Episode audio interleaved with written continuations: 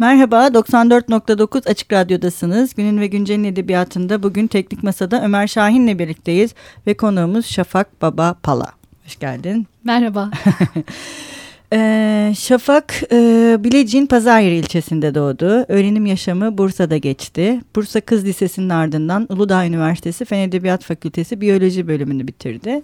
Şafak Pala'nın iki öykü kitabı var. Sızı adlı ilk öykü kitabı Mart 2008'de Ezgi Kitabevi ki yeni baskısı da yapıldı şu evet. anda. E, Yüzüne Sabah Çiğ Düşmüş adlı ikinci öykü kitabı da Eylül 2012'de Evrensel Basım Yayın tarafından yayınlandı. Öyküleri ve yazıları Varlık, Evrensel Kültür, Notos Öykü, Akatalpa Öykü, Bursa'da Yaşam, Eliz Edebiyat, Mahsus Mahal, Radikal Pazar ve Bir Gün Pazar'da yayınlandı. Kendisi PEN Türkiye ve Türkiye Yazarlar Sendikası üyesidir. Bugün... E, Şafak'la Sızı adlı hikaye kitabını konuşacağız. Bu kitapta geçtiğimiz günlerde Koyu Siyah'tan yeniden yayınlandı. Ee, şimdi bu e, tabii ben maalesef evrenselden çıkan yüzüne sabah çiğ düşmüşü okuyamadığım için aslında e, ama sadece tembellikten değil bulamadığım Yok. için de e, programı e, sızı üzerinden e, yapacağız. Şimdi e, kitap iki bölümden oluşuyor. E, bir aileydi belki bütün dünya, bütün dünyada bir insan e, diye ve aslında kitap bir insanlar hikayesini anlatıyor. O yüzden de hani bu e, iki başlık anlamlı. E, her seferinde aslında biz her hikayede bir insanın hikayesini okuyoruz. Merkezde o kişinin e, yaşamı var. E, böyle yani bir ins yani şey gibi mi? Memleketimde insan manzaraları gibi mi? Bu biraz. Çünkü Bursa'da geçiyor bir de olaylar. Bursa ve e, yerel yerel. Bilecik bir köyü aslında evet. benim hayatımdaki yeri olan. Hani onun e, alt metninde belki öyle diyebilirim. E, aslında şöyle e, telefonda da konuşmuştuk seninle. Hı-hı. ilk öykülerim evet. benim sızı ve yıllar sonra tekrar gün yüzüne çıktı. Ben bundan çok ne keyif güzel. aldım gerçekten. E, fakat e, daha iki üç gün önce kaybettiğimiz sevgili e, Küçük İskender'in de dediği gibi bu ilk öykülerin e, daha başka bir yapısı da vardır. Evet. En masum haliyle yazdığımız öykülerdir. Ona da selam gönderelim ya. buradan. Hani çok gerçekten. genç bir ölüm gerçekten. Gerçekten. Ama böyle bu hayatta ne yazık ki. Ruhu şad olsun evet, diyelim. Evet bir selam gönderelim. E, tam da onun dediği gibi e, çok masum hallerimizin e, belki yer aldığı şeyler bu ilk kitaplar. O yüzden benim açımdan da öyle bir durumu var. Hı hı. Fakat yıllar sonra tekrar yazmışım gibi tekrar baştan sona üstünden geçince e, tam da hani o kitapların o ilk kitapların işte tek tek insanlar üzerine kurulduğu yeniden yeniden sanki yazılmış hmm. gibi oldu benim açımdan ama dediğin gibi e, özellikle hani kıyıda köşede kalmış edebiyat da böyle bir şey. Hani hmm. sokakta gördüğümüz o insanlar hepsi ayrı bir öykü olan insanları sanıyorum yazmaya çalıştım ilk kitapta. Böyle bir durum var. Yani ee, merkezi insan olarak koymak hani biraz da o sıradanlığın ötesindeki ne evet. diyelim e, farklılıkları mı göstermek? Tam da söylediğin gibi ve bu hayatın anlamının arayışı da var burada aslında. Hepimizin çok özel olmasının bir e, gerçekliği. Hepimiz aslında çok özeliz ve bambaşka hayatlar yaşıyoruz. Ve hepsi de bambaşka türlü anlatılmaya değer. Her hı hı. yazar da ayrı şekilde belki aynı insanın hepimizin de bildiği gibi. Bu şekilde yola çıktı e, ve böyle başladı ilk hı hı. kitabın serüveni. E, niye iki bölüm burada? Belki biraz ondan bahsedebilirim. Tabii, lütfen. Aile kavramı var aslında ilkinde. E, hani özgürlük kavramıyla hep bizi kısıtlayan bir aile vardır ama ilk çıkışımızda ailedir ve ne kadar ayrılsak da hı hı. merkezimizde içimizin bir parçası olan aile hep vardır hayatta. O yüzden e, ilk kısım biraz daha e, hani benim de içinden çıktığım geleneksel yapının yer aldığı hani öykülerin olduğu ve e, hani bu toplumda farklı yapıda gruplar var biliyoruz. Hani köy deyince her köy birbirine benzemiyor e, hani eski köy edebiyatı diye de bir şey vardı ama şimdi baktığımızda ona bambaşka yapıda edebiyatlar da çıkabilir bunun içinden. Biraz da böyle bir şey var aslında. Farklı olduğunu düşündüğüm kendimce bazı şeyleri e, yazılmalı, bazı insanlar yazılmalı dediğim öyküler vardı. Tabii onlardan yola çıkarak edebiyatta yerini bulmasını istediğim öykülerdi bunlar. Ve ilk kısım o yüzden aile kavramını da biraz sorgulayan e, onunla başlayan ve insanın özüne inen ikinci kısımda da bütün, bütün dünya bir insan, bir insan. Evet. diye bir yapı oluşturdum. E, bir de e, şöyle de bir şey var. Bu insan hikayelerinin aslında e, hep trajik bir tarafı var. Bütün hikayelerde biz aynı zamanda bir e, trajik unsurla da karşılaşıyoruz. Bu da e, hani o sıradan insanların farklılıkları kadar görünenin aslında çok da böyle hani e, yolunda giden bir e, durum olmadığına da bir gönderme yapmak için mi böyle düşündün ya da böyle kurguladın ya da öyle mi gerçekten? Evet sanıyorum yine ilk kitap olması hani ilk kitapta daha belki de beni acıtan e, daha sorguladığım şeyler daha bir genç olduğum dönem hepsi bunlar karışıyor. hala genç hala genç. e, ve ve e, o acılar biliyorsun hani daha fazla e, yazma ihtiyacı da duyuyoruz. Hani hep denir ya hani ne yazılır hayat ölüm ve aşk diye Değil de bir mi? şey ya, vardır. Öyle öyle gerçekten ee, ama öyle. hayatta bu acılar hep ve Hı. mutluluklar o duygu yoğunlukları belki de bizi çok etkileyen kısımlar. Ee, ve o çatışma anları e, ve o çatışma anlarında insanların durumları aslında bence çok önemli ve aslında hayatımız açısından da her çatışma sonucunda yaşadığımız şeyle bambaşka bir yola gidiyoruz. Hı. Belki de işte bu acılar ve o e, sorgulama kısımları biraz daha fazla bu ilk kitapta, Sızı'da. Evet zaten adı da sızı. Evet ya evet.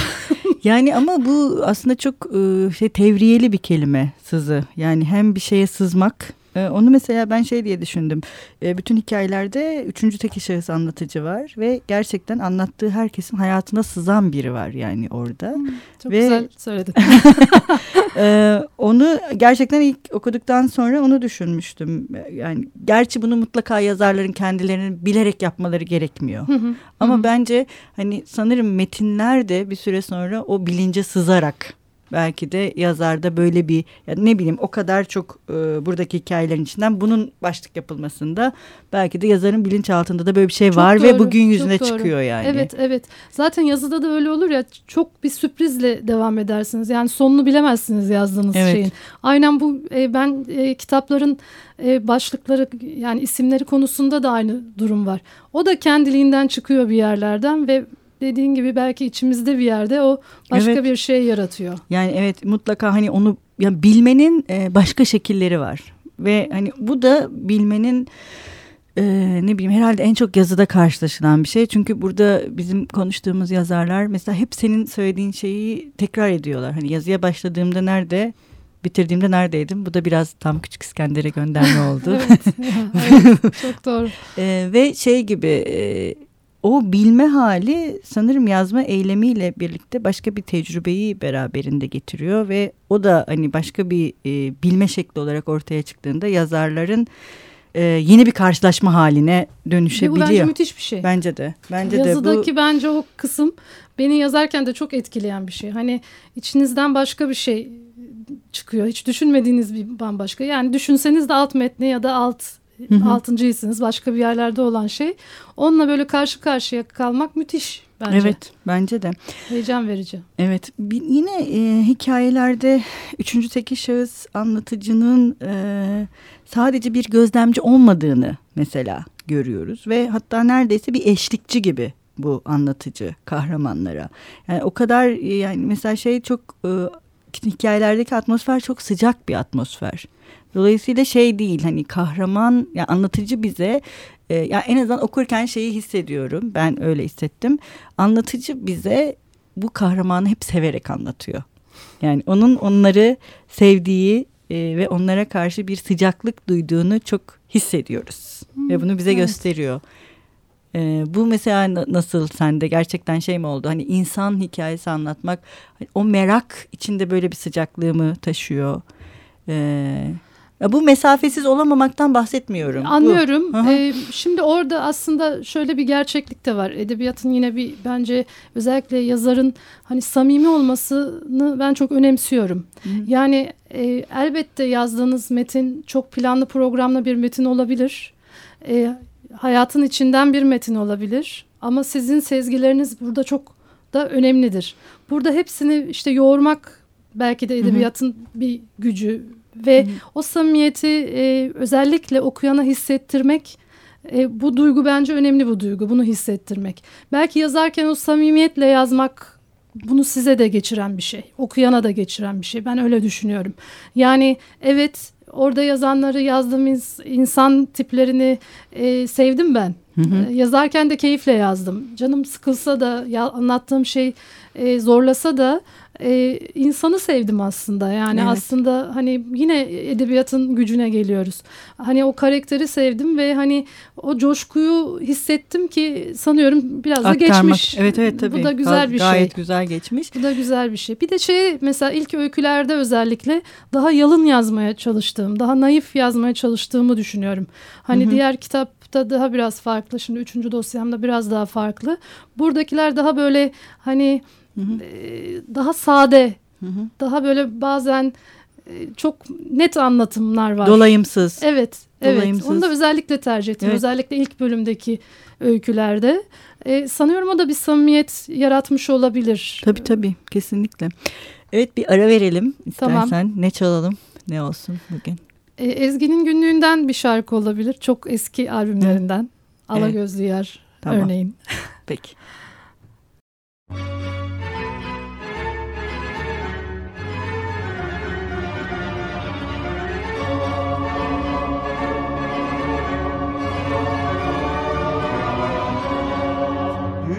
üste ala göz Şirin canım ala göz. Kara göz can alandır Yaman olur ala göz. Ala göz ay ala göz Yaman olur ala göz. Ala göz ay ala göz Yaman olur ala göz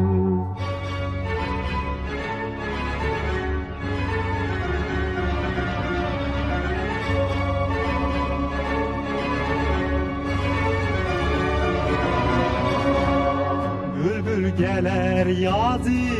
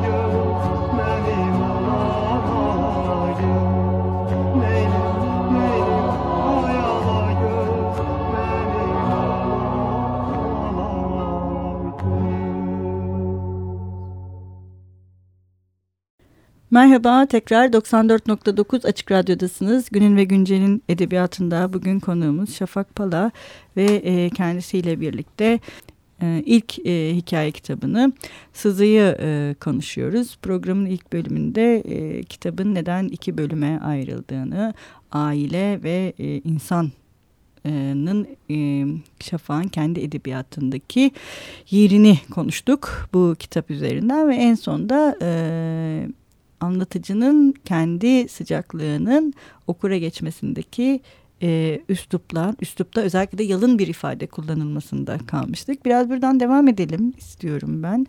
Evet ben de kesinlikle katılıyorum. E, dolayımsız yalın bir ifade aslında çok daha etkileyici bence. Yani upuzun cümle tabii bu şeye göre de değişir, yapıya göre de değişebilir bir şey. Ama e, sıcaklık ve atmosfer oluşumunda özellikle bu tarz işte üçüncü anlatı, üçüncü teki şahıs anlatıcıların e, bulunduğu metinlerde yalınlık e, o aslında mesafeyi de kısaltan bir şey. Çünkü üçüncü teki şahıs anlatıcı aslında ne anlatırsa biz o kadarını biliriz. Yani birinci teki şahıs gibi değil. Ee, bu da sanırım e, yine hani bilmenin başka bir hali var diye konuşmuştuk ya o bilmenin evet. başka bir halinin hani içerik bunu belirliyor galiba değil mi? Ben bunu e, yani okurla mesafeyi kısaltmak istiyorsam üslubu da buna göre kurmak zorundayım Evet. diye.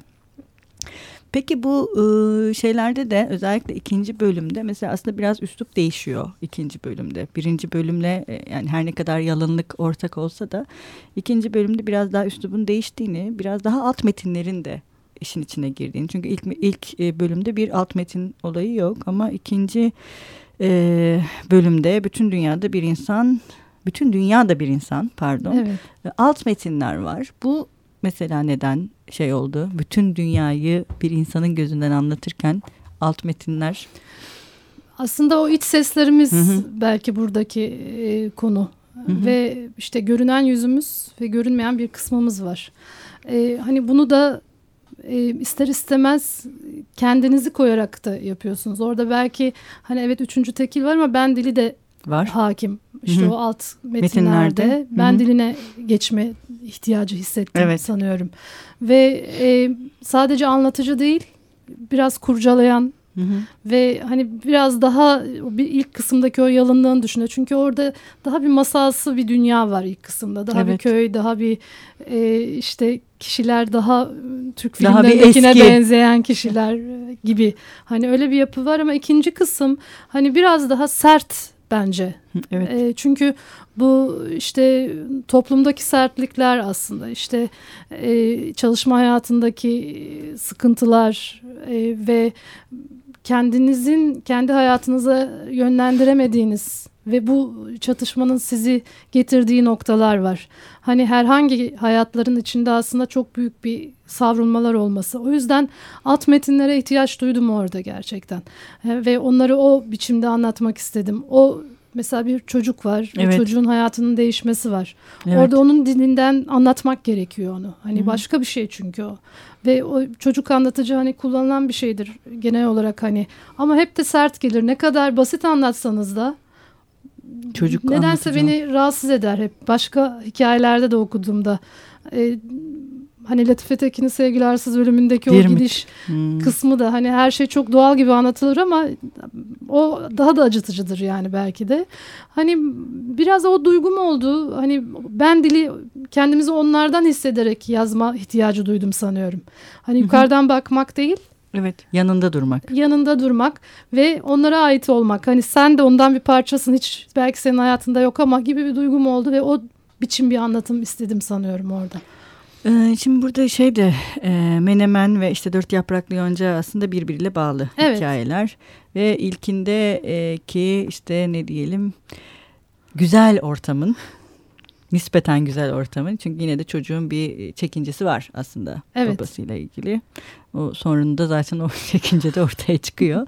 E, ikinci bölümde e, onun hayatının değişmesi ve aslında birinci bölümdeki o mutluluk tek bir cümleyle birden böyle şey okurun karşısına çıkıyor. Oradaki mutlu ablanın başına ne geldiğini aslında öğreniyoruz.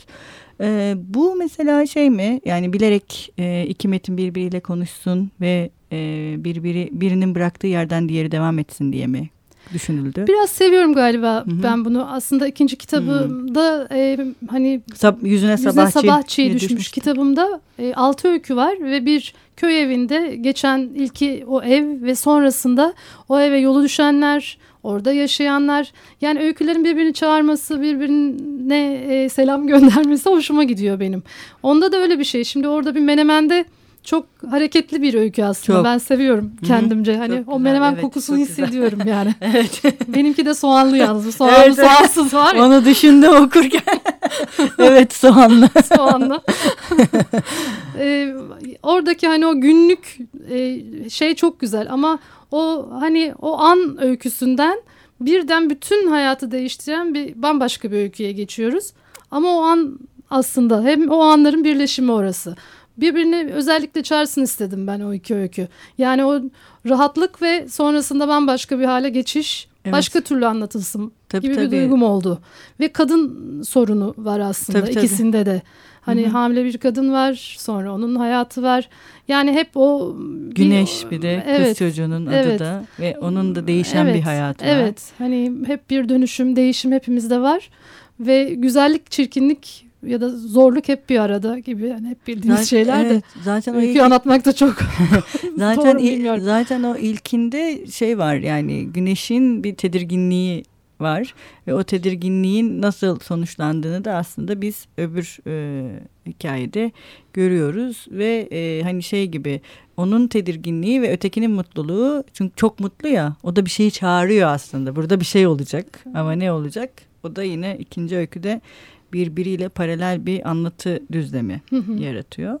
Ee, ya beni mesela en çok e, bu kitapta ayırt edici bulduğum öykü e, jimnastik oyunları güncesi oldu. Bunu Onu son bu- derece eğlenceli de buldum aslında. Bunu ben ikinci baskıya koydum. Öyle onu. mi? Evet Aa, ilkinde yok. güzel. Bu o yüzden ayırt edici demek. Belki de yani içlerinde olabilir diye düşündüğüm bir öyküydü. Yo bence de olabilir ve hem son derece eğlenceli de bir öykü. Bence bir mizahi bir tarafı da var. Çünkü şey hani pire için yorgan yakmak. evet ama isteriz ya Ya evet evet ama aslında çok da pire için yorgan yakmak değil o. Hani gerçekten e, o burada da yine o öğretmenin kendi e, bilinç yani bilincinden geçenler ve karşısında mücadele ettiği bütün bir sistem var aslında. Ve ısrarla Evet. kendisini anlamak istemeyen, anlamaya karşı koyan bir e, duvarla e, baş ediyor ve kendi gerçekliğini yaratmış olmaktan dolayı memnun. Evet. Ve bu şey e, mesela diğer hikayelerde böyle bir mizah öğesi yok. Ve, Evet. Ama buradaki mizah tamamen böyle alttan alta işleyen e, bir mizah ve kadının e, kendi e, aslında kendine bakışı da mizahi bir bakış. Yani yapıyorum evet. da nasıl niye mi? Çok yani. Değil mi? Bir Tam öyle. yani bunu yaparken kendiyle de eğlenir bir hali var. Kendine de böyle bir meydan okuyormuş gibi bir hali var galiba. Evet evet yazarken de eğlendim ben. bir de orada şey var. Ben Bursa'da yaşıyorum.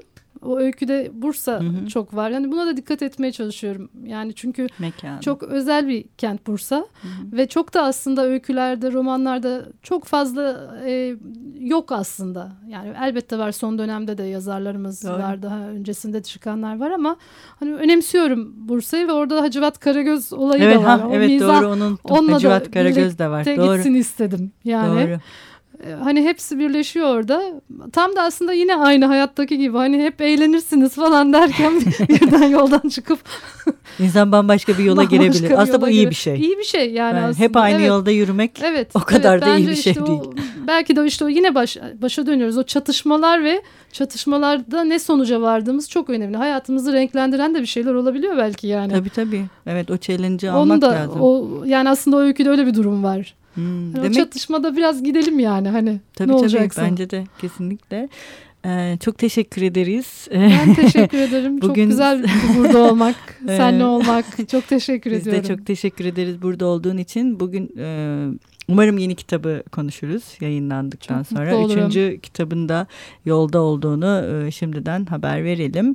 E, bugün Şafak Palay'dı konuğumuz ve kendisiyle e, Koyu Siyah tarafından yayınlanan Sızı adlı hikaye kitabını konuştuk. Ve yine her zaman olduğu gibi e, yazarımız okurları ve dinleyicilerimiz için bize bir bölüm okuyacak. Bizim böyle bir şeyimiz var. Evet, Ee, kuralımız size var. gelince- kuralımız var. Gelenek demeyeceğim. kuralımız var. Ee, evet sen de sanırım son öyküden. Son öykü bir mektup formunda Hı hı. yazılmış bir öykü. Biraz ondan başlayalım. Bırakırız. Evet. Ve merak eden olursa da devam eder diyelim o Çok zaman. teşekkür ederiz. Ben tekrar. çok teşekkür ediyorum. Çok keyifliydi benim için Bizim öykülerimi için de. konuşmak. bizim için de. teşekkür ederim. tekrar. Hoşçakalın. Görüşmek üzere. Kayıp. 18 Mart 2005 Çanakkale. Saçım artık kökünden kesik. O zamanlar belime kadar uzundu. O zamanlar saçımın rengi de siyahtı ama artık değil. Sarı. Hem de beyaza yakın bir sarı. Sen gideli tam 25 yıl oldu. Sen gideli ve gelmeyeli. Benimse içimde hala umut var. Bir gün denizden gittiğin gibi yine geri döneceksin yüzerek. Çok değiştim. Saçım değişti, giyimim değişti, zevklerim değişti, vücudum değişti. Artık ayağımda bir kot pantolon, omzumda köylü işi bir heybe, darma duman saçım, leylek gibi bacaklarım ve simsiyah göz makyajımla dolaşmıyorum ortalarda. Ah güzel Marmara, damağımdaki ince burukluk, içimdeki ılık akış. O da geçmişte kaldı. Artık kaliteli şarap arıyor dilim damağım. Çizgili takımlar içinde hasteriden iş çantam elimde, platin renkli kısacık saçımla geziniyorum ortalarda. Hafif kilo aldım. İnanmazsın bacaklarım da kalınlaştı. Siyah sürmemi kaybedeli ise uzun zaman oldu. Yalnızca ben de değişmedim. Herkes her şey değişti.